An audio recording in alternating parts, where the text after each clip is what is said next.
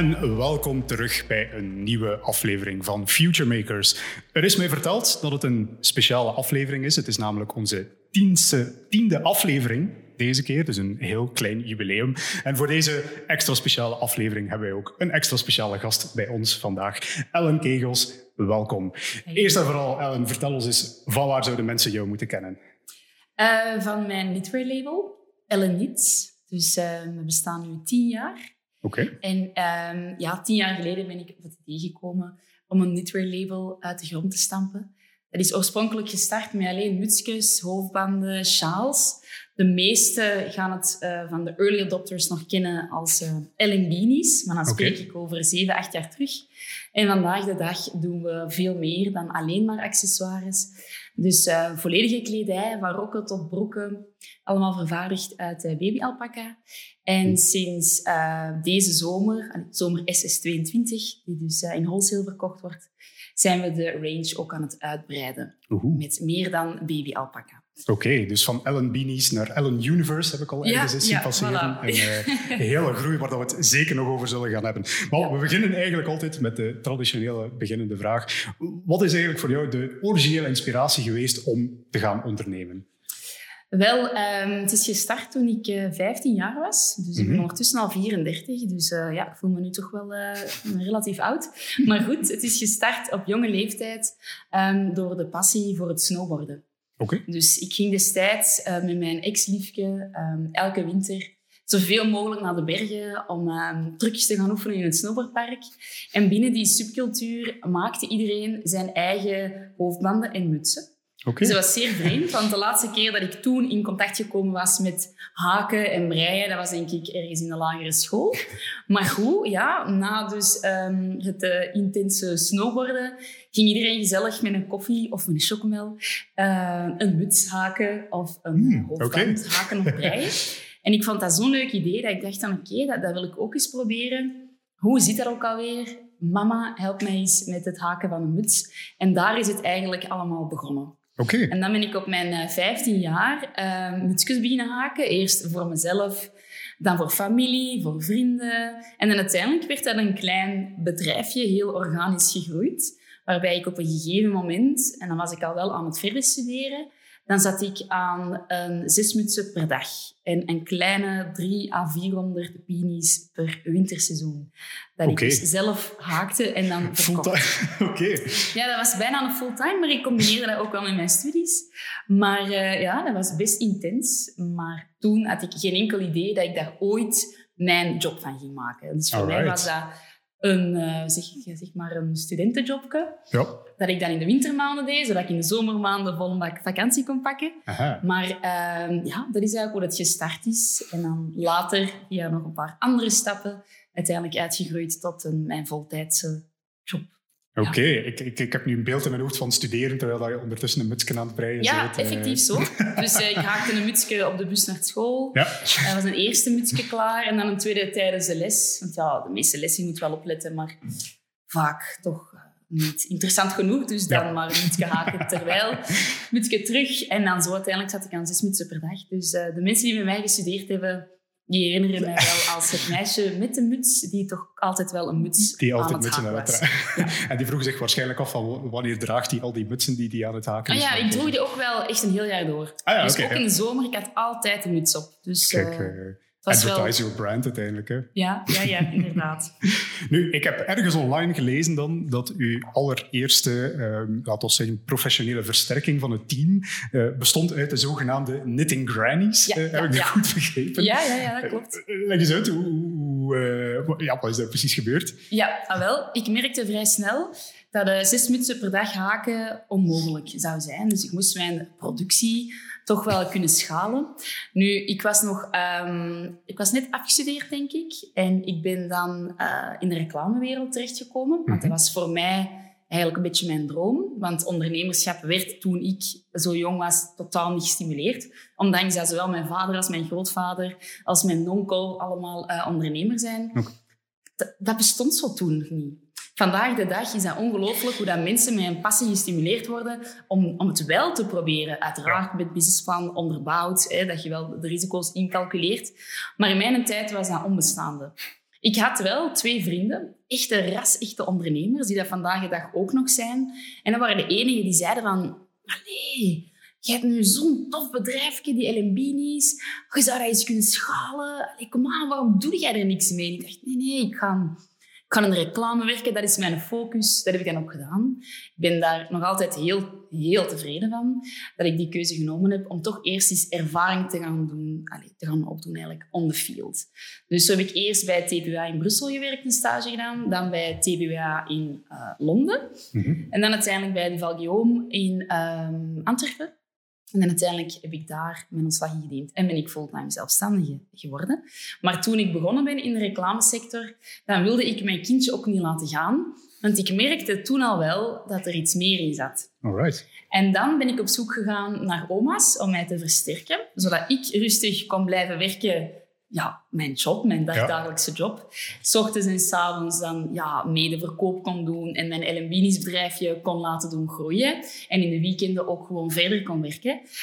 Um, dus vandaar, ik moest de productie uitbesteden. Wat ik dus ja, vandaag de dag ook natuurlijk volledig gedaan heb. En dan waren het team van Omatjes eigenlijk uh, de juiste partij op dat moment om mee te werken. Ja. Want mijn plan was altijd al wel diep van binnen om een volledig dorp in Peru aan het werk te zetten. Oké. Maar als je geen ervaring hebt in de mode, je hebt geen connecties in de mode. Dus mijn papa is een verzekeringsmakelaar, mijn mama is een huisvrouw. Er is niemand buiten een tante van mij die ooit een modelabel heeft opgericht. Dus het is niet dat ik eens kan gaan aankloppen van oh, ik heb een idee, mag ja. dat even in uw fabrieken gaan produceren, mama, papa? Nee, helaas niet. Dus ik wist totaal niet hoe ik daar moest gaan beginnen. Maar dan, ja, omaatjes. Dan heb ik een advertentie geplaatst um, in een streekkrantje in Aha, oké.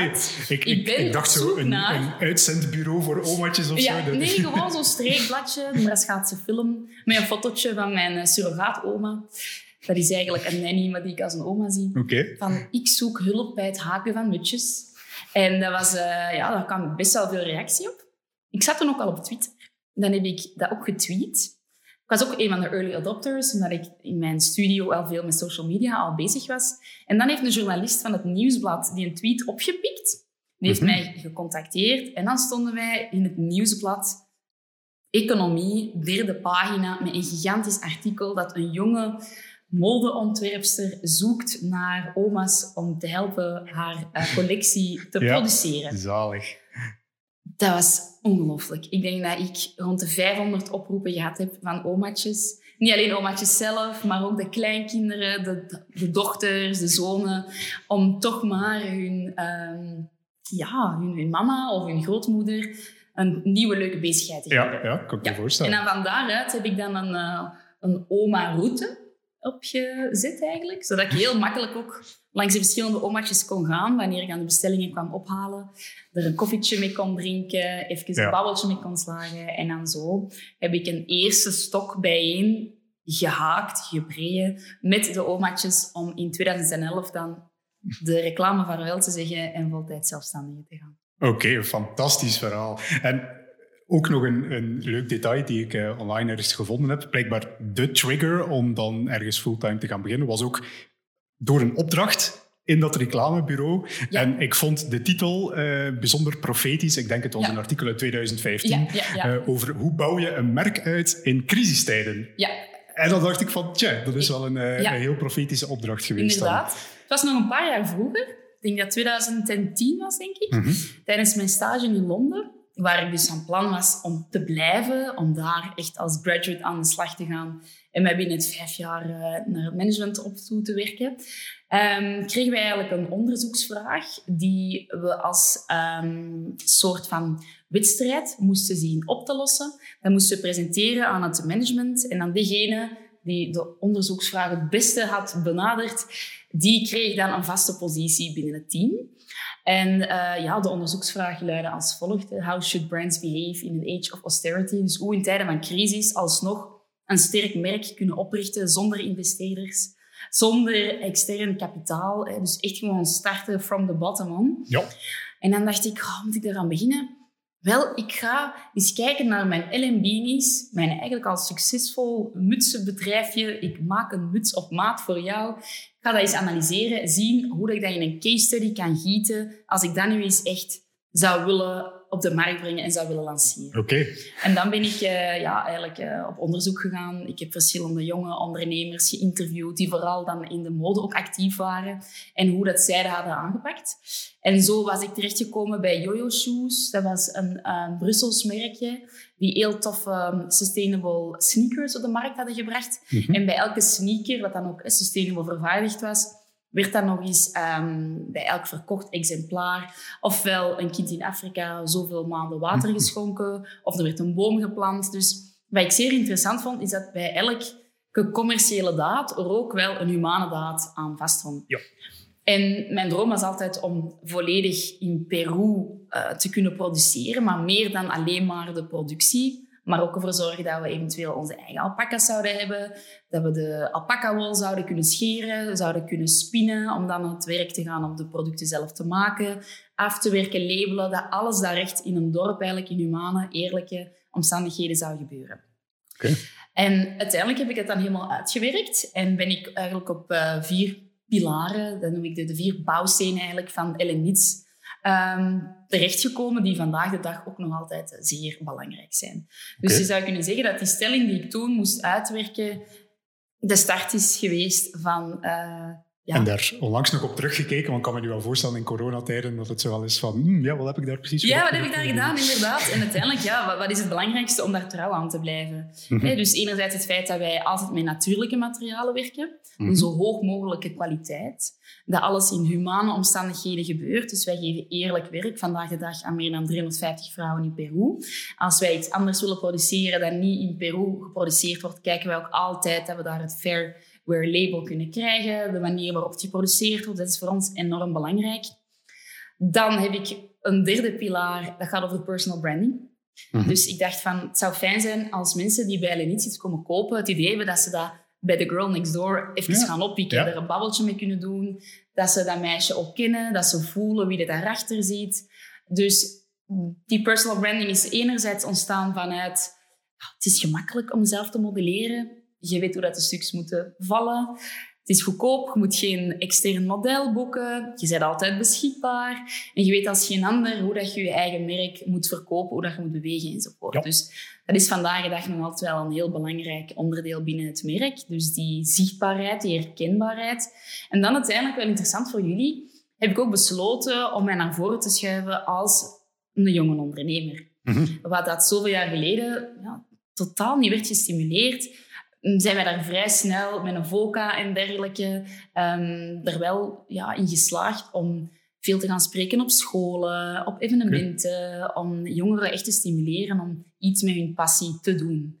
En dat doe ik vandaag de dag nog steeds. Dus dat is ook een belangrijk aspect binnen wat wij doen. Oké, amai. Ja, ik denk zeker en vast ook, eh, als ik kijk naar vandaag de dag, eh, ik ben nu ook al eens gaan spreken op die Mhm. studentenverenigingen Ja, die met ja, ondernemingen ja, bezig zijn. En dan dacht ik bij mezelf van, oef, wat heb ik eigenlijk uitgestoken in mijn studententijd? Ah. Ik, eh, ik, ik was zelf een niet zo actieve student, maar als je dan ziet Ja. hoe dat jonge mensen vandaag de dag, zelf 29, ik ben nu ook geen oude knar of zo, maar hoe dat jonge mensen met, met nog geen ervaring en alleen maar passie er toch heel veel zin hebben om voor te Dat is Ja, eh, ja, ja, ja, zeer, zeer interessant om te zien. Ik vind het ook ja, heel eh, frappant dat je zegt van die, die personal branding is daarin heel belangrijk. Ik denk dat mensen gerust eens naar uw website kunnen gaan kijken. Ellen Nits, eh, voor eh, kleine sluikstofreclame. Ehm, en, en ja, dat valt ook inderdaad wel op. Hè, dat, dat als je op je website gaat kijken, heel dankbaar. Heel dankbaar researchmateriaal ook voor mezelf. Eh, Ja. het, uw verhaal straalt er ook echt in door in die website. En inderdaad, zelf als model eh, geeft wel een heel persoonlijke indruk eh, op de Ja. website zelf. Ja. Nu, pro- ik probeer me dan ook in te beelden, als je nu net start als Mhm. jonge ondernemer. eh, Mhm. Ik ben daar ook er- ergens tegengekomen van eh eat nothing but peanuts and crackers eh, Ja, for, ja, for ja. a few months. Mhm. Ja, Ja. dat, dat vind ik altijd het interessantste punt in een onderneming. Het, het punt van maximaal risico misschien, om te zeggen. Ja. Hè. Hoe, hoe, hoe ga je er dan eigenlijk als heel jong persoon voor om dan uiteindelijk te zeggen van oké, kijk, we gaan een enorme bestelling doen uit Peru. Daar moeten we zeker Ja. ook nog eens over babbelen. Ja. En, en we gaan dat verkopen, maar er is eigenlijk nog niets verkocht. Maar we moeten die mensen wel betalen. Hoe, hoe gaat Ja. je daar eigenlijk mee om dan? Wel, ik heb dus vanaf mijn 15, maar zo spaarzaam was ik dan ook, ben ik nog steeds, heb ik uh, elke euro dat ik bij gehaakt had op een mm -hmm. aparte bankrekening gezet. Okay. En dat was voor mij het bewijs van, kijk eens wat ik hier aan het opbouwen ben, wat ik hier aan het ondernemen ben. Ik kwam daar ook niet aan, tenzij dat ik uiteraard de oma's moest betalen of grondstoffen moest kopen of dergelijke. Nu, dat is allemaal wel heel kleinschalig, was dat toen. Um, maar ik heb dat opzij gezet en ik heb dat niet aangeraakt tot de dag dat ik in uh, oktober 2011 had beslist van... En nu ga ik ervoor als fulltime zelfstandige. En het bedrag dat ik toen had opzij gezet, dat was eigenlijk mijn bedrag om een webshop op te richten, Alright. om een eerste stokje aan te kopen. En verder heb ik heel lang alleen gewerkt, ook alles zelf gedaan. Dus mijn uitgaven waren ook wel heel beperkt. Um, ik werkte ook van thuis uit. Als in, ik had wel een mooie loft, een ruime loft in Borgerhout. Dat ook wel gewoon handig was voor mij, omdat ik zowel shootings daar kon doen, als een showroom kon hebben, mensen kon ontvangen, uh, een stokruimte had. Dus allemaal wel zaken die het voor mij goedkoper maakten om niet en, en, en, en Ja. te moeten gaan huren Ja. en in orde brengen enzovoort. Dus zo ben ik eigenlijk gestart. En dan tot de dag van vandaag zijn wij voornamelijk heel spaarzaam. Dus als ik kijk naar mijn man, die ook een, eh, ja, een scale-up heeft, wel van een andere grootorde, met extern kapitaal, ja, die zijn budgetten zijn natuurlijk niet te vergelijken met die van ons. Ja, Hij kan al zo eens kijken naar mij van, "Allee, doe jij nu zo moeilijk over, allee, over 500 euro? Dan denk ik, 500 euro? Weet je wat 500 euro is voor mij? Dan kan ik dit mee doen, dat mee doen, dat mee doen. Dus Ja. dat spaarzaam zijn zorgt er ook wel voor dat wij kosten laag kunnen houden en uiteindelijk wel een mooi resultaat kunnen behalen. Ik, ik vind dat soort, ja, in het Engels het bootstrap-verhaal Ja. altijd ook het meest interessante. hè. Het is niet eh, Donald Trump die met een kleine lening van 10 miljoen euro van Nee, zijn vader nee, is, eh, is Ik val soms achterover van beginnende modemerken Mhm. naar die budgetten. Dat ik denk van, amai, zo'n fotograaf, die locatie, zo'n webshop, dat daarachter, zoveel gifting. En dan denk ik, amai. Dan begint mijn hoofd al te rekenen van, amai, die moeten zoveel stuks verkopen om dat alvorens te doen. Dat ik denk van, wow, dat, dat is niet voor ons. Ja, Wij zijn echt wel... Klein zijn we niet, want wij hebben een grote afzetmarkt en best wel gekend in België, denk ik dan. Maar wij zijn met een heel klein team en wij Ja. werken met kleine budgetten, maar dat hoeft daarom niet van een minder hoog niveau of een minder hoge kwaliteit te zijn. zeker en vast niet. Als een eh, oprichter van een technologiebedrijf die ook volledig uit organische groei is opgebouwd, kan ik dat alleen maar beamen. Je ziet dan ook soms eens een, eh, een techbedrijf die een paar eh, miljoen Ja, of een paar ja, ja, ja, ja, dat, is anders. Hè? Oeh, verdorie, dat is... Ja, dat piekt altijd wel even. Want Het het- piekt oh, even, maar tegelijkertijd is het toch ook wel van... Kijk, ik ben het hier nu echt wel... allee, Ja. we, zijn, we zijn begonnen met vier mensen, nu zijn we met vijftien. Super. dus dat, Ja, ja, dat is dat, wel is een punt van persoonlijke trots. Als je dan ook weet dat elk van die personen dat je aangenomen hebt, destijds een heel bewuste, wel afgewogen keuze was van gaan we die er nog bij ja, nemen? Tuurlijk. dat Zo belangrijk. Ja, Eh, dus dat is, ja, dat is zeker een interessant verhaal om te doormaken. Nu, één iets om natuurlijk in te doen, heel belangrijk deel van jullie identiteit is ook het feit dat jullie producten gemaakt worden in het Andes gewerkt. ja, ja, ja. Eh, dus nu ben ik wel eens heel geïnteresseerd. Hoe kom je dan uiteindelijk van de Knitting Grannies naar een dorp ergens in Peru terecht, waar dan die producten gemaakt worden? Hoe is die overgang precies Ah, gegaan? wel. Ik geloof heel hard in het volgen van mijn buikgevoel. Dus Hm. het volgen van mijn pad. Dat is echt mijn buik die bepaalt letterlijk alle beslissingen die ik neem. In de zin van, voel ik me daar goed bij, voel ik me daar niet bij goed, goed bij. En het verhaal in Peru is ook zulk een... Allee, ik geloof niet in toeval. Het lag daar eigenlijk voor mij, die kans om te grijpen. Maar een, een vriend... Wacht, hè, een vriendin van een vriend van mijn broer. Lien Oké. Verelst, eh, dat is de dochter van Leo Verelst, bouwbedrijf Verelst. En zij Mhm. hebben eigenlijk een heel project op poten gezet, waarbij zij verschillende regio's ter wereld ehm, hun expertise gebruiken om een economie terug op poten te zetten. Oké. En zij zijn daar meestal voor een periode van tien jaar. En zo is de dochter, Lin, ehm, eigenlijk terechtgekomen in Peru, in Ayacucho, dus een bergdorpje tussen Cusco en Lima. En zij is daar dus gestart met het oprichten van dus een bedrijfje eh, waarbij ze de lokale bevolking aan het werk willen zien te krijgen om dat uiteindelijk dus zelf eh renderend te maken. En los van het feit dat zij daar werkte met veel eh, boeren, agricultuur, voor alles wat dat, ja, zoveel mogelijk zien te produceren op een zo klein mogelijke ruimte, microkredieten en dergelijke, Mhm. zijn wij eh, met Lien in contact gekomen omdat zij een shelter had opgericht voor jonge meisjes die verstoten zijn geweest door hun gezin, doordat zij op jonge leeftijd als tiener eigenlijk zwanger zijn geraakt. Mhm. Je moet weten, Peru is een heel katholiek land, enorm katholiek. Daarbij is daar een enorme macho-cultuur en is daar geen voorlichting. Dus alles wat betreft voorboedsmiddelen en dergelijke is daar dan verboden, want eh, geen seks voor het huwelijk, dus super katholiek. En als die meisjes dan eenmaal zwanger geraken en die weten wat er gebeurt, dan worden ze uiteindelijk dan nog eens... Is het wel hun schuld ook, hè? Ja. ja. Allee, dat zijn schrijnende, schrijnende situaties. En zij hebben daar dan een opvangcentrum opgericht waar dat die meisjes dus terecht kunnen, zwanger of al met kind. En daarbij eigenlijk klaargestoomd worden, geholpen worden om terug op eigen benen te staan. Maar die jonge meisjes die moeten ook een inkomen zien te verdienen. Buiten op de straat uh, wat de prilaria verkopen, hebben zij ook wel skills dat ingebakken zit in hun cultuur. Waaronder dus embroidery, alles wat aan naai en patchwerk is. maar ook haken en breien. En het haken van een muts, ja, dat is geen rocket science. Hè. Ik kan dat letterlijk met mijn ogen dicht. Ik kan zelf half in slaap vallen. Dat blijft een automatische piloot. Ik moest ook wel vroeger, blijf dat verder haken. Dus dan hadden we gedacht met Lin om te kijken of dat ik niet een deel van mijn productie, dat ik in België deed, deels zelf en met de omaatjes, niet in Peru zou kunnen plaatsen. En dan dacht ik, ja, dat is een, een supergoed idee. Um, we moeten dat eens een keer testen. En dat testen is eigenlijk ontstaan met yo-yo-shoes. Dus degene die ik had aangehaald, ja, eh, helemaal in het begin als inspiratie voor mij. En hebben wij een collab gedaan, eh, collab, Ellen Beanies uh, meets uh, yo-yo-shoes. En hebben wij een beperkte collectie aan mutsen en sjaals geproduceerd in Peru. Dus uh, bij die meisjes, bij de dames. En hebben we eens gezien hoe dat zulk een productie, hoe dat eigenlijk werkt. Ja. En ook daar weer heb ik heel veel geleerd van dus die jonge ondernemers van hoe zit dat met, met, met, met pricing, met prijszetting? Wat moeten we rekenen? Transport. Um, zitten dan drie partijen eigenlijk.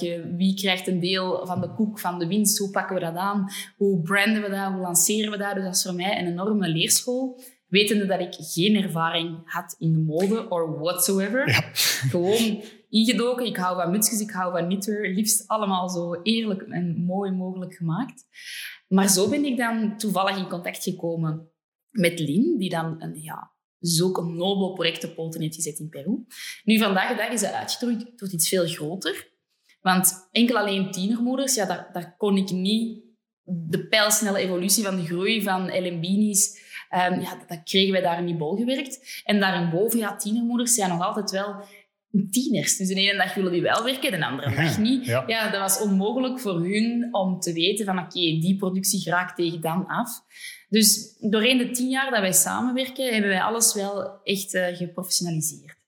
Tot uh, zulke mate dat ja, Solid heeft ook andere klanten. Ik werk ook met andere partijen samen om eigenlijk ja, het risico van productie te spreiden. Om uiteraard prijzen tegen elkaar te kunnen um, uitspelen. Om te zien dat we wel nog altijd wel kunnen ondernemen. Want fair trade ondernemen is één ding. Maar je moet ook nog wel zien dat je uit de kosten geraakt, dat je een winstgevend bedrijf bent, zodat je ook kunt blijven groeien en kunt blijven investeren in komende collecties. Want anders is binnen een jaar gedaan, heb je wel een goodwill gecreëerd, maar dat is ook gedaan en hebben de dames in Peru ook geen werk meer.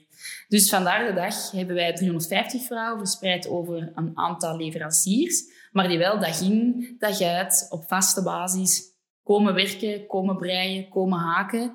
En die daar ook zoveel beter van worden. En dat is iets als we naar Peru reizen. Is nu al wel een tijdje geleden, omwille van de coronacrisis. Maar dat we ook huisbezoeken doen om te kijken van eh, hoe, ja, is uw omstandig, hoe zijn uw omstandigheden eigenlijk verbeterd door het, zeg maar, het breien van een Big Bertha.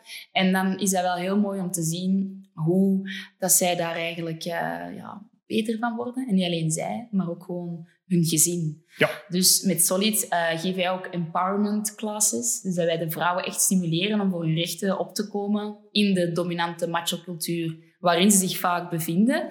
En ja, dat zorgt voor, soms voor situaties dat ze na jaren onderdrukt worden door hun man, door nu zelf een inkomen te hebben, durven zeggen van salut in de kost, ik ga nu zelf verder. Mooi. En ik stuur mijn kinderen naar, naar de universiteit met het geld dat ik hier verdiend heb. Dus dat is wel heel mooi dat we een trouwe partner hebben die ook uh, zoveel doen om het, uh, het leed van die vrouwen eigenlijk zoveel mogelijk uh, te verminderen.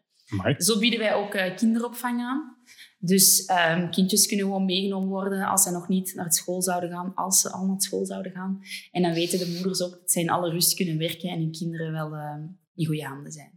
Amai, heel, heel mooi verhaal. Ja, ik, eh, als ik kijk naar mijn eigen werknemers, dat is leuk om ze te zien evolueren natuurlijk van Ja. jonge schoven later. Maar Ja, ja, ja. ik kan mij wel inbeelden dat het, dat het toch wel een enorme impact moet hebben, ook op u, om dan te zien hoe uw werk eigenlijk daar ook een enorm verschil kan maken. eh, Ja, ja, absoluut. Eh, In de beginjaren was dat voor mij wel heel...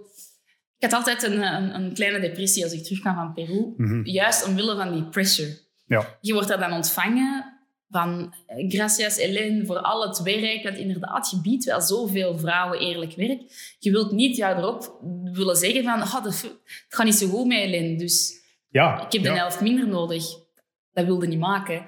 Dus dat was altijd wel een... En nog altijd, hè.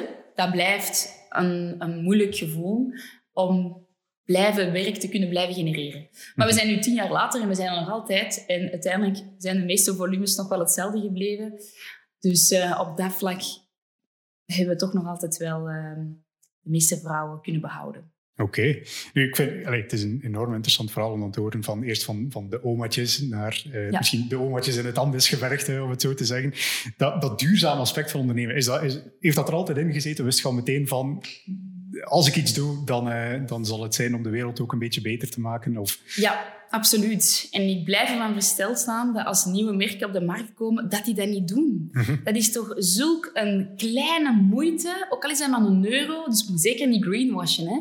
Maar dat, ja, ik vind dat zo'n kleine moeite, dat als je onderneemt, dat je daar iemand, een organisatie of iets dergelijks bij betrekt. Ja. Ik moet mij inhouden om niet nog meer te doen en nog meer te steunen, omdat ik anders aan mijn eigen marge ga beginnen knabbelen en dan kan het snel gedaan zijn als je eens een slecht seizoen hebt. Dus daar moeten we u wel voor wapenen. Maar wij doen al zo enorm veel. Maar dat heeft er altijd in gezeten. En ik vond het fijn om ook andere voorbeelden te vinden die hetzelfde deden. En dat Mhm. heeft mij nog meer gestimuleerd om er keihard voor te gaan en het zo eerlijk en transparant mogelijk uit te bouwen. Maar ja, eigenlijk vind ik dat elk initiatief, elk bedrijf, en dat moet zelf niet de mode zijn, je moet zelf geen productie hebben, zou een deel kunnen linken aan, aan een goodwill. ja, ik vond het zelf heel interessant. Onze vorige gast, eh, Jonas van Too Good To Go, misschien bekend het bedrijf die eh, eigenlijk ja? voedselresten ook Ah ja, op een duurzame manier nog probeert te verkopen. Eh, onlangs nog in het nieuws geweest met Callebaut chocolade die bijna zo Oké. verstrijken, die ze dan Ah, ook meegeven. En die beschreef het zelf als een, dus, dus geen non-profit, maar een not-for-profit. Ah, ja. Eh, en dus Ah, ja, zelf ook ja. zegt van, oké, het is perfect mogelijk om een winstgevend bedrijf te willen uitbouwen, Mhm. maar dat te koppelen aan een goed doel. Hè? Dus dat je met de winst die je genereert, met de, de groei die je gerealiseerd, eigenlijk ook indirect... Ja. ehm, Daar krijg ik kippenvel doel. van, hè? als ik de anderen hoor zeggen, want dat, dat is het echt. Ja. Duurzaam ondernemen, zeker in fair fashion, is nog, allee, dat wordt, nu is het beter, maar dat werd heel lang bekeken als hier is ze meer geitenwolle sokken. Oh my, ze zal hier lang bestaan. Ze. ja, Daar kreeg ik het van. ja. Dat was een hype. Een, even cool in Peru zo eens een keer wat laten produceren, maar hey, dat is toch geen lang leven beschoren? Dat, dat kan toch niet? Tuurlijk kan dat wel, maar daar staat wel heel wat tegenover. Als Ja. ik heb geen monsterbudgetten om te gaan shooten in het buitenland en met drie topmodellen en noem maar op. Dat weer niet. Niet op ons niveau op dit moment. Maar de dames in Peru zijn nog altijd aan het produceren en wij blijven nog altijd vlot verkopen. Dus Ja, dat, ik, dat vond ik zelf een, een heel interessante realisatie. Een zuivere non-profit. Die zou misschien zeggen van kijk, we hebben één dorp in Peru en Ja. we gaan die mensen bezighouden. ja, En dat is ons doel. En, En klaar, en we ja. moeten geen winst maken en daar blijft het bij. Terwijl dat je ja, als een not-for-profit bedrijf tegelijkertijd die groei kunt realiseren. En misschien meer mensen kunt helpen door je eigen groei ook te gaan eh, verwezenlijken. Dus eh, vond ik eh, zeker, zeker een, een eh, heel gelijkaardig en complementair verhaal. Dus ja, laat- het een thema zijn in onze afleveringen die we doen. Ehm, ja, om, om nog even verder te praten. Hè. We zijn dan gegaan van eh, Ellen Beanies naar Ellen Nits. Eh, Ja. Mhm. Dan ben ik al een Ellen Universe tegengekomen ondertussen. Eh, er zijn kookboeken allemaal. Ja, ja, ja. Ik wil eigenlijk even vragen, hoe, hoe balanceert je dat allemaal? Hoe, hoe houd je al die initiatieven ook nog eens mama geworden ondertussen? ja. Mijn, mijn gras moet al een week afgereden worden en ik heb nog geen kinderen. Dus ik vroeg me af van, wat- hoeveel uur slaapt die per nacht? Ja, het is... ehm, en ik moet zeggen, ik ben mama geworden op mijn dertig, denk ik. Mhm. Ik heb er lang over gedaan om ehm, mijn fantastische man Nick te leren kennen. Dus ik heb ehm, ja, de eerste start van Elenit eigenlijk enorm hard kunnen werken. Ja. Ik had nog geen kinderen. Ik had eh, al een tijd van de wereld. Hoe het eigenlijk is als je geen kinderen hebt. tot er kinderen zijn, dan besefte me pas waar dat tijd is. Maar ik heb toen wel een enorme voorsprong genomen. Ehm, en dat ging heel vlot om heel veel initiatieven te doen. Ik, ik heb een brein dat altijd al verder denkt vooraleer ik een project nog moet afwerken. Het is heel typisch aan wie ik ben uh, als personality gewoon. Dus ik moet mijn eigen echt intomen om niet veel meer te doen dan ik eigenlijk de baas kan. En dan het krijgen van kindjes heeft er echt voor gezorgd dat ik dat juist wel moet doen. En dat heb ik ook nu wel geleerd. Dus ik ben op korte tijd mama geworden van twee mooie dochtertjes die heel slecht slapen. Dus uh, dat slaaptekort hakt daar zeker en vast in. En dan heb ik nog eens besloten om ze niet naar de opvang te doen, maar ze zelf op te voeden. Samen met dan uiteraard de hulp van mijn schoonouders, van mijn mama af en toe. Takes a village to raise a child, zeggen ze wel eens. Um, en dat was, ja, mijn kinderen zie ik ook als een vorm van ondernemerschap. En ik wil je zo goed als mogelijk ja. um, en zoveel mogelijk zelf opvoeden. Maar dat is wel een een zeer heftig uh, spanningsveld. Um, zeker in de periode dat het heel druk is. Hè, zoals deze maand juli is voor in de mode, samen met de maand januari. Dat zullen de mensen in de retail ook wel snappen. Een, mhm. zeer heftige maand. Zeker als je zelf produceert en ontwerpt en dergelijke. En dan merk ik wel dat kleine kindjes thuis, hè, want het is uiteraard vakantie, met te weinig opvang, dat is, uh, dat is, dat is pittig. Um, dus ja, hoe pak ik dat deze dagen aan? Ja, dat is geen eigen tijd. Als mhm. in, ja, deze maand kan ik niet gaan lopen. Deze maand kan ik niet met vriendinnen afspreken. Deze maand staat echt in functie van mijn werk zo goed mogelijk zien te organiseren om zoveel mogelijk klaar te krijgen. Voordat de kindjes wakker zijn, nadat ze zijn gaan slapen en proberen in de weekenden nog zoveel mogelijk uh, uh, in te halen. Maar dan weet ik ook wel dat ik daarna, na een heftige periode zoals deze, wel terug op de rem moet gaan staan. Om, uh, want, ja, Anders eh, Steven af richting een burn-out en dat willen we zeker niet. Daar heb ik, toen ik nog jong was, ook bijna uh, ja, tegenover gestaan, zeg maar. Dus ik voel ook wel snel aan van, oké, en nu moeten we gas terugnemen. Maar als je dan zelf ondernemer bent, dan creëer je ook wel je eigen agenda en kan dat ook wel. Ja. Het is een fase van soms niet te veel willen. bijvoorbeeld, we gaan nu in augustus live met een nieuwe webshop. Die is al wat vertraagd. Die had eigenlijk al midden juli live moeten gaan. Augustus ging normaal gezien een maand zijn dat ik voor de kindjes um, zoveel mogelijk thuis zou willen zijn. Ja, die push in verkopen nieuwe collecties is eigenlijk verschoven. Wilt dat dan zeggen dat ik heel mijn maand augustus maar moet opdoeken en moet maar op de gaspedaal gaan staan om zoveel mogelijk te verkopen? Of zeg ik, weet het is oké. We doen het wel twee weken later als school terug begonnen is. Ja. En dan werken we wat langer door of harder door als de tijd er is. En de kinderen niet komen aankloppen van mama, hey, ben je nu eens klaar met werken? Ja. En dat is inderdaad dat geven en nemen en aanvoelen van, we hebben al een heel mooi jaar gedraaid, we staan er supergoed voor, de vooruitzichten zijn top.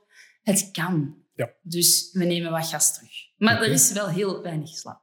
dat, is, uh, dat is een feit. Ja, kijk, ik uh, heb al een aantal uh, leeftijdsgenoten die nu ook met kinderen beginnen. En dat is de universele ervaring blijkbaar. Ja, het, allee, er zijn jonge ouders die gewoon goede slapertjes hebben. Hè? Dus het, het hoeft niet zo te zijn. Ja. Maar ja, soms zijn de peggen en de minder goede slapertjes. En dan is het uh, ietsje uitdagender. Ik ga nooit het gezicht van mijn buurman eh, vergeten, die met, met oprecht geluk, zonder enige vorm van ironie, begon over het feit dat hem zo gelukkig was dat, hem, dat zijn kinderen, het was een tweeling, eh, dat ze nu toch al drie uur aan een stuk sliepen s'nachts. Dat hij echt al drie uur had kunnen slapen. Ja, ja, ja, ik begrijp dat. zonder, zonder het gevoel van heb medelijden met mij. Ja, die mens was oprecht nee, gelukkig. en toen dacht ik van... content. Ja, ah, okay. ah, ja, oké. Okay. Uh, kinderen plus drie jaar. Uh, ja. ja, ja, ja, ja, inderdaad. Ja, nu, zeker. Uw man is dan ook ondernemer. Mhm. Is dat, zou je zeggen, is dat een, een meerwaarde of, of net een extra punt van... Eh, ik kan me enerzijds voorstellen, je zit wel een beetje in dezelfde sfeer. Ja, dus je kunt ja, wel weten waar dat je door Mhm. maakt. Maar ook, je hebt het alle twee druk, Ja, ja, waarschijnlijk. ja, ja, absoluut. Eh, mijn man is voor mij een heel groot voorbeeld. Dus ik denk, als ik Nick niet had leren kennen zoveel jaar geleden, toen ik voor een heel moeilijke, ehm, ja, een moeilijke switch stond eigenlijk binnen LNX, ehm, dan denk ik niet dat ik dat had gehaald. Mhm. Maar hij is een, ras echt een ondernemer, heeft ook echt, denk ik, 40 man al onder zich. En die komt wel met de juiste tips. En ehm, ik kan daar ook echt mijn ei kwijt. Dus als er iets scheelt binnen een lijn en ik weet niet hoe ik dat moet aanpakken, is hij de eerste om mij advies te geven en te begeleiden. En dat stimuleert wel enorm. Ik denk, moest ik een man hebben die geen ondernemer zou zijn, ja, het zou heel anders geweest zijn. Neemt niet weg dat dat natuurlijk vaak een gevecht is om tijd. Maar dat is wel iets dat wij hebben afgesproken. Van, ik heb besloten om deels thuis te zijn bij de meisjes. Ik neem hem dat ook niet kwalijk als hij daar niet is. Dus zoals nu, dan werk ik 2,5 dag in de week. En de andere ja, momenten ben ik bij de kindjes. Maar hij werkt wel voltijds. Ja. Maar als er problemen zijn, dan komt hij naar huis en hij helpt wel altijd. Wij eten s'avonds thuis en s'avonds werken we weer verder. Dus daar zit wel een, een, een mooi respect. Dat absoluut wel. Maar neem niet weg dat alle twee ondernemen is wel de permanent rush. En dat is, zeker op het moment als ik het ook druk heb, vind ik dat wel moordend. Als ik dan kijk naar gezinnen die niet beide ondernemen, of waarvan er één iemand onderneemt en de andere persoon is bij de kinderen op een relaxte manier, ja, dan kan ik daar wel zo naar kijken van, oh my, het moet zalig zijn als je nu, zeg maar, een papa heeft die die kleine mannen gewoon meeneemt en gaat wandelen in de bossen. En ja, dat, dat, dat is niet bij ons. Ik probeer dat zo goed mogelijk wel te bieden, maar Ja. ik heb ook in mijn achterhoofd, ik moet dat nog doen, dat nog doen, dat nog doen. En mijn gsm, ping, ping, ping, ping, ping, staat natuurlijk ook niet stil. Maar op vakantie probeer ik dat wel echt ehm, weg te leggen. Oké. Ja. Ja, ik, ik, ik hoor dat ook vaak van. Je leert heel goed plannen eh, Ja, ja, ja. kinderen hebt. En dan, ik kan me voorstellen, twee ondernemers tezamen met kinderen, dat die agenda, synchronisatie wel een heel, heel Ja, ja, proces dat is zeer belangrijk. En die requests die moeten aanvaard worden. Hè. Ik heb u drie e-mails uitgestuurd, drie eh, meeting requests. Hoe zit het daar?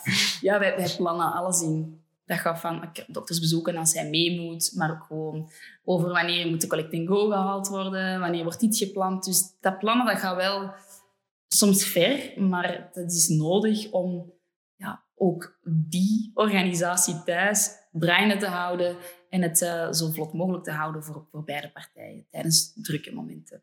Alright. Nu, om eventjes terug te keren naar Nitz bijvoorbeeld. Ehm, een van de zaken, ja, ik kan me voorstellen in de modewereld, social media is daarin eh, absoluut onontbrekelijk. Ook een Ja. Instagram-pagina waar jullie toch wel redelijk druk op posten. Ja, ja, ja. Ehm, hoe, hoe zie je die relatie? Hè? Ik ben ook ergens een artikel tegengekomen dat je er eigenlijk al heel lang mee bezig bent met die social media als onderdeel van jouw bedrijf. absoluut. Ja, ik ben gestart als een van de early adopters op zowat alle eh, social media kanalen. Dat, dat zat ook binnen mijn studie, binnen mijn thesis en onderzoek.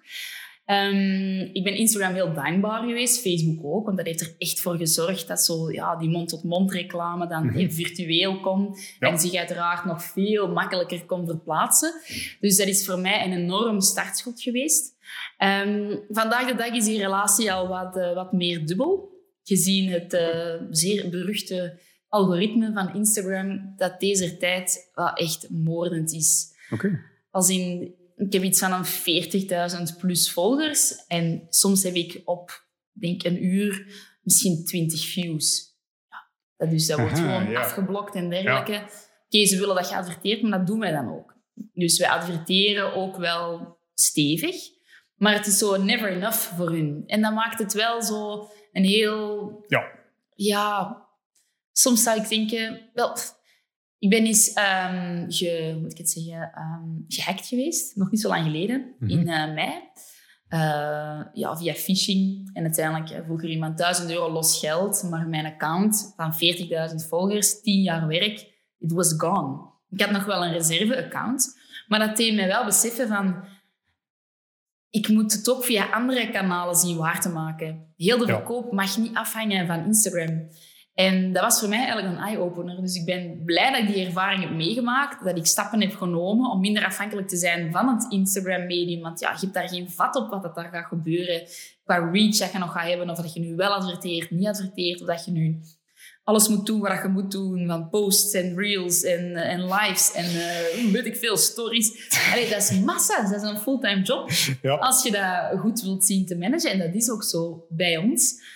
Dus vandaar hebben wij de, kn- de knoop doorgehaakt om een nieuwe webshop te bouwen. Mhm. In Shopify, de voorgaande was in PrestaShop, wat toch wel een vrij log systeem is. En nu gaan we vooral inzetten op marketing automation. En zoveel mogelijk zelf eigenlijk via de kanalen dat we hebben um, zoveel mogelijk verkoop te realiseren. Uiteraard waarbij social media wel een onderdeel blijft, maar dat mag niet langer onze all focus zijn. Ja, inderdaad. Ik, hoor dat, ik hoor dat wel vaker. Zeker mensen, zo echte content creators die dan volledig afhankelijk zijn van een platform. Dat algoritme, ja, uh, ja.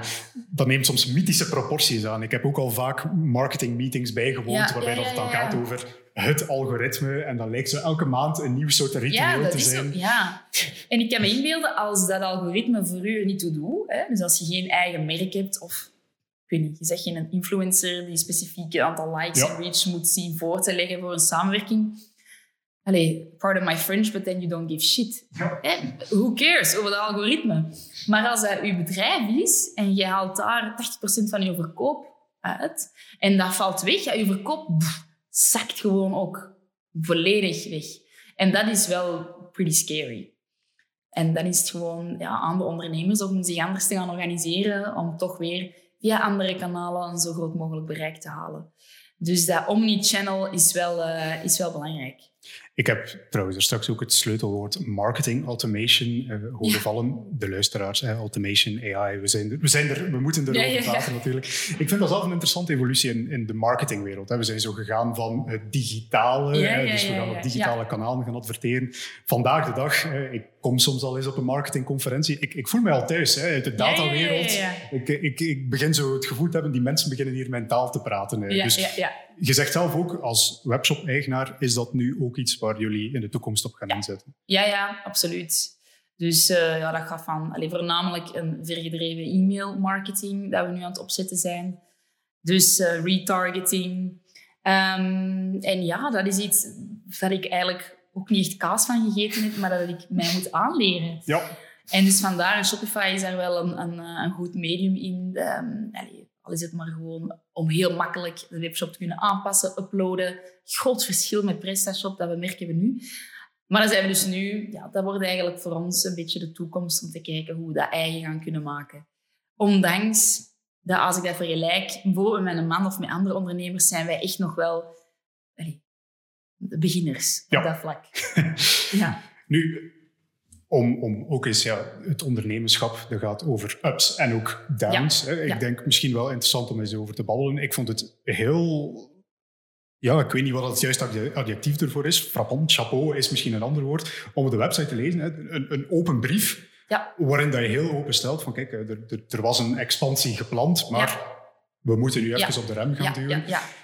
Hey, een typisch bedrijf zou misschien zeggen van, ah ja, die ambities zijn er nooit geweest, we schuiven ja, dat even weg en er is niets gebeurd. Van waar eigenlijk die, ja, die, die, die impuls om daar toch open over te zijn en over te gaan communiceren? Ja, absoluut. Um, ja, dat was een, allee, ik heb een heel heftige periode achter de rug. Mhm. Van het beste jaar dat we ooit gedraaid hebben in 2020. Met dan het idee van, oké, we zijn nu tien jaar LNITS gaat het zelf aan. Ellen, voor wat staat dat eigenlijk? Die LN. Hm? Anderen spreken het uit als inknit. Zeker naar buitenland toe, als je wilt gaan internationaliseren. Voor wat staat dat nu eigenlijk? Ook dat we meer gaan willen doen, doen we eigenlijk al, dan alleen maar niets, is Ellen niets. Was het voor mhm. mij van, oké, weet we hebben keihard gewerkt. De ruimte is er budgetair om eens een keer wat zotter te doen en wat meer uh, uit te geven. We gaan een rebranding doen. We nemen daar een art director mee onder de arm. We hadden dat super mooi uitgewerkt. We gingen van Ellen Nits naar Ellen Kegels. Mm dat toch velen doen om daar hun eigen naam aan vast te hangen. Heel de rebranding was ook al gebeurd, als in de zin van alle designs. Uit alle geluk was nog niet alle packaging en dergelijke besteld en gedrukt. Maar ten opzichte van een rebranding staat ook wel, een, ja, moet er ook wel meer verkoop zijn. Ik had ook vast een plan om iemand extra aan te nemen. Dus we hadden wel een stevige budgettering opgemaakt van wat het plan zou moeten zijn voor 2021 en de jaren nadien. Ik had een goed team, ehm, maar door corona is iedereen verplicht geweest om thuis uit te werken. Hè, bijna een jaar verplicht telewerk. Waarbij dat je wel virtueel uiteraard je teammeetings hebt, maar je merkt dat je persoonlijke band, ja, dat zwakt af. Het is niet dat je samen een lunchje gaat doen en een koffieke gaat drinken of na je werk nog een glasje drinkt en eens even praten over het privéleven. Dus mensen hebben ook gewoon tijd om na te denken van wat wil ik nu eigenlijk zelf? En wat is nu mijn ambitie? En ik was natuurlijk volop 100%. We gaan naar Ellen Kegels, every branding na 10 jaar. En zo gaan we dat aanpakken. En al beeldmateriaal was al klaar. En mijn collega, die op zwangerschapsverlof is geweest, um, komt terug en je voelde dat er iets veranderd was. En zij haalt aan van ja, ik ga iets nieuws doen na tien jaar, uiteraard. Mm en volle respect, dat is haar, uh, uiteraard haar, haar, eigen keuze. En um, we gaan ook heel goed en vriendschappelijk uit elkaar. Maar dat was wel even scary. Van, oh, oké, ik dacht dat jij volledig mee was in het verhaal. En one team. En met het feit dat zij weggaat, gaat mijn andere collega ook weg. In de zin van, ik, I've also been thinking en ik ga ook mijn eigen ding doen. Dus ik stond daar ineens van, we gaan dat doen, full on, maar al mijn personeel gaat weg. Ik ben een mama die halftijds werkt, want ik heb ook voor mijn kinderen gekozen. En wat moet ik nu doen? Ik sta eigenlijk op een punt dat ik mijn bestelling moet plaatsen, waarbij ik dus nog eens 30% meer ging bestellen om uiteraard mijn kosten te kunnen dragen vanuit Ellen Keels rebranding. Maar ik heb geen personeel. En ik weet van mezelf dat ik niet op zulke korte tijd waardige vervangers kan vinden voor het team dat ik daar had. Waar je al tien jaar mee samenwerkt ook, kan ik me... Ja, uh, Elene is, is inderdaad bijna tien jaar mijn vaste partner geweest. Een andere meisje iets minder. En mhm. dat is niet het grote probleem. Maar dat was voor mij wel een, een angst dat ik kreeg van... Wow, ja. werknemers zijn daar, maar die zijn daar niet forever and for good. En met het kleine bedrijf dat we zijn, er is eigenlijk niemand echt... Allee, we kunnen niemand missen, omdat we dus zo klein zijn. Je kent dat ook wel. Hè? Afwegen, hebben we iemand nodig, hebben we niemand nodig. Er moet echt alles uit de kan halen, het onderste uit de kan, om zoveel mogelijk met die persoon te kunnen werken.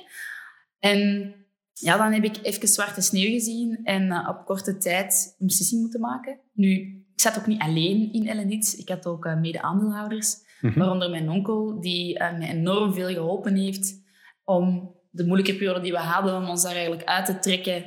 Maar die had ook wel een visie voor Elenits. En wij moesten ook wel de juiste cijfers voorleggen en de groei en dergelijke. En hij wou ook natuurlijk zijn dividend en noem maar op. Dus ja, op hele korte tijd moest ik echt zeggen van, letterlijk op een week, van, maar dit is het plan voor 2020, naar tok, tok, tok. Ja, ik ben thinking. En we gaan eigenlijk 180 graden. En die ja. echt van...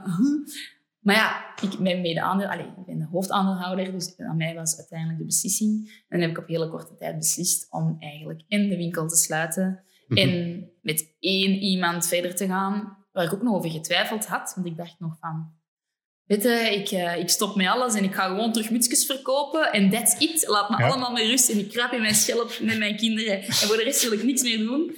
Maar zo ben ik natuurlijk niet dan longt weer dat ondernemen en denk ik, nee, not gonna happen. Ik hou te veel van Elenits om het nu volledig stil te zetten. Maar ik was al aan het communiceren over die rebranding. Dus het zou heel vreemd zijn geweest als er dan niks komt en de Elenits maar gewoon blijft zoals het was. Dus ik voelde mij ook wel gewoon verplicht om dat eens even uit te spreken waarom en hoe eigenlijk de vork in steel zit. En uh, dat is ook heel eigen aan Helen om daar uh, heel humaan en eerlijk over te zijn. Ik heb daar heel veel positieve reactie over gehad, omdat er ook wel andere ondernemers zijn die met hetzelfde struggelen van we moeten alleen maar meer en meer en meer. En hoe het er nu zelf uitziet, zou ik met minder omzet meer winst draaien. Ah ja, wegens de herschaling van uh, alle ja, wegens gewoon uh, de kosten. Oké. Okay. De winkel hier in de Leopoldstraat, dat is heel mooi en wel. En dat is heel veel prestige. is ook een groot pand, helemaal vol, vol niets. Draait de max in de wintermaanden. Zomer heel moeilijk. Huurprijzen zeer hoog, personeel, ziek, is er niet, vakantie, opvullen. Ja, it's a lot. En uiteindelijk, de winkel was zeker en vast rendabel, maar niet in die zin dat het daar ook zoveel energie bij mij moet uh, ja, verspelen. Ja. En dus nu gaan we full-on online, met uiteraard de verkooppunten die we hebben via wholesale. En ook nog wel uh, afspraak. Uh... Ja, dat vond ik zelf heel, heel creatief. Dus de, de, blijkbaar mensen een afspraak kunnen boeken om bij jou... Ja, uh, ja, ja. die komen op kantoor. We hebben daar een klein showroom geïnstalleerd. We hebben een heel trouwe netwerk. Een heel warme band met heel veel van onze klanten. En die komen aan een glaasje drinken. En die passen de collectie en nemen mee wat ze nodig hebben voor het komende jaar. En verder hebben ze alles al eens gepast voor eventueel later de webshop nog wat bij te bestellen. Dus ook weer dat menselijke is voor ons van groot belang. Ja, ik vond het, uh, het, was, het was een hele creatieve oplossing. Misschien ook wel iets waar uh, in de toekomst toe, zeker voor zo'n kleinere modebrands, ja. ik ben niet thuis in de wereld, ik ga nu al toegeven, maar dat dat misschien wel een hele goede manier is om. Ja, zo ben ik ook gestart. Hè? Ik ben gestart met open showroom days in mijn loft. Dat ik per seizoen twee dagen de deuren open deed. Iedereen mocht binnen bij mij. Ik had een winkeltje gecreëerd. Mensen konden een glaasje komen drinken, een stukje taart eten. En dat was een supergezellige namiddag. En dat was een schot in de roos. En zo konden de mensen ook in de weekenden altijd op afspraak komen shoppen. Dus ik ben eigenlijk teruggegaan naar... Back to the roots. Ja, hetzelfde met het idee dat speelt om de pop-up store te doen. Eén maand, enkel alleen in december, tijdens de feestdagen. Heel simpel. Again, hoe ik het vroeger eigenlijk deed. Dat is kosten zo laag mogelijk houden, waardoor de ruimte vrij is om wel te werken aan nieuwe collecties en meer te investeren in design en in sampling. Dat anders toch altijd wel ja, als al uw geld in uw winkel zit, de budgetten moeten ergens verdeeld worden. Ja. En zo bouwt je dus een merk uit in times of austerity, zoals ja. uh, al die jaren geleden nooit vastgelegd. Nee, super fantastisch verhaal. Uh, ik merk dat onze tijd er ook bijna op zit, dus ik wil gewoon nog eventjes afsluiten met onze vaste afsluitende vraag. Groot deel van onze luisteraars zijn zelf jonge ondernemers. Pak nu dat je zelf een stuk advies kunt geven aan dat je misschien zelf ook graag had willen horen. Wat zou het dan zijn? Ja, in mijn geval, um, ik zit in de mode, in de retail, in de verkoop, is, uh, is uw prijszetting. Zo belangrijk. En dat heeft mij letterlijk acht jaar gekost om de juiste pricing te hebben. Oké. Ja, ik heb geen ervaring in de mode, dus voor mij was dat... Hmm, hoeveel zou deze sjaal waard zijn? Hmm, ik denk zoveel. Uiteraard volledig underpriced. Maar op het moment dat dat is buiten gegaan als uw sjaal, uw klassieker aan die prijs, kun je niet op twee jaar ja. een prijsstijging doorvoeren van, van 60%. Dat gaat natuurlijk niet. En het is eigenlijk nu pas, echt letterlijk na 8, 9 jaar, zelfs bijna 10 jaar, dat wij nu de juiste pricing hebben. In de zin van, wat is uw marge? Je kunt altijd wel proberen om je kost, om je, eindprijs zo laag mogelijk te houden voor de eindklant, zo interessant mogelijk voor de retailer, maar jij zit er ook nog. En als uw marge te laag is, dan kun je blijven knokken en vechten en verkopen maar dan gaat het heel moeilijk worden om uh, winstgevend te zijn en uit de kosten te komen. Ja. En dat is iets, een eerste prijsstijging die we doorgevoerd hebben vorig jaar. En dat heeft er direct toe geleid dat wij nu een mooi winstgevend jaar hebben gedraaid. En dat is echt uw marge, uw prijs.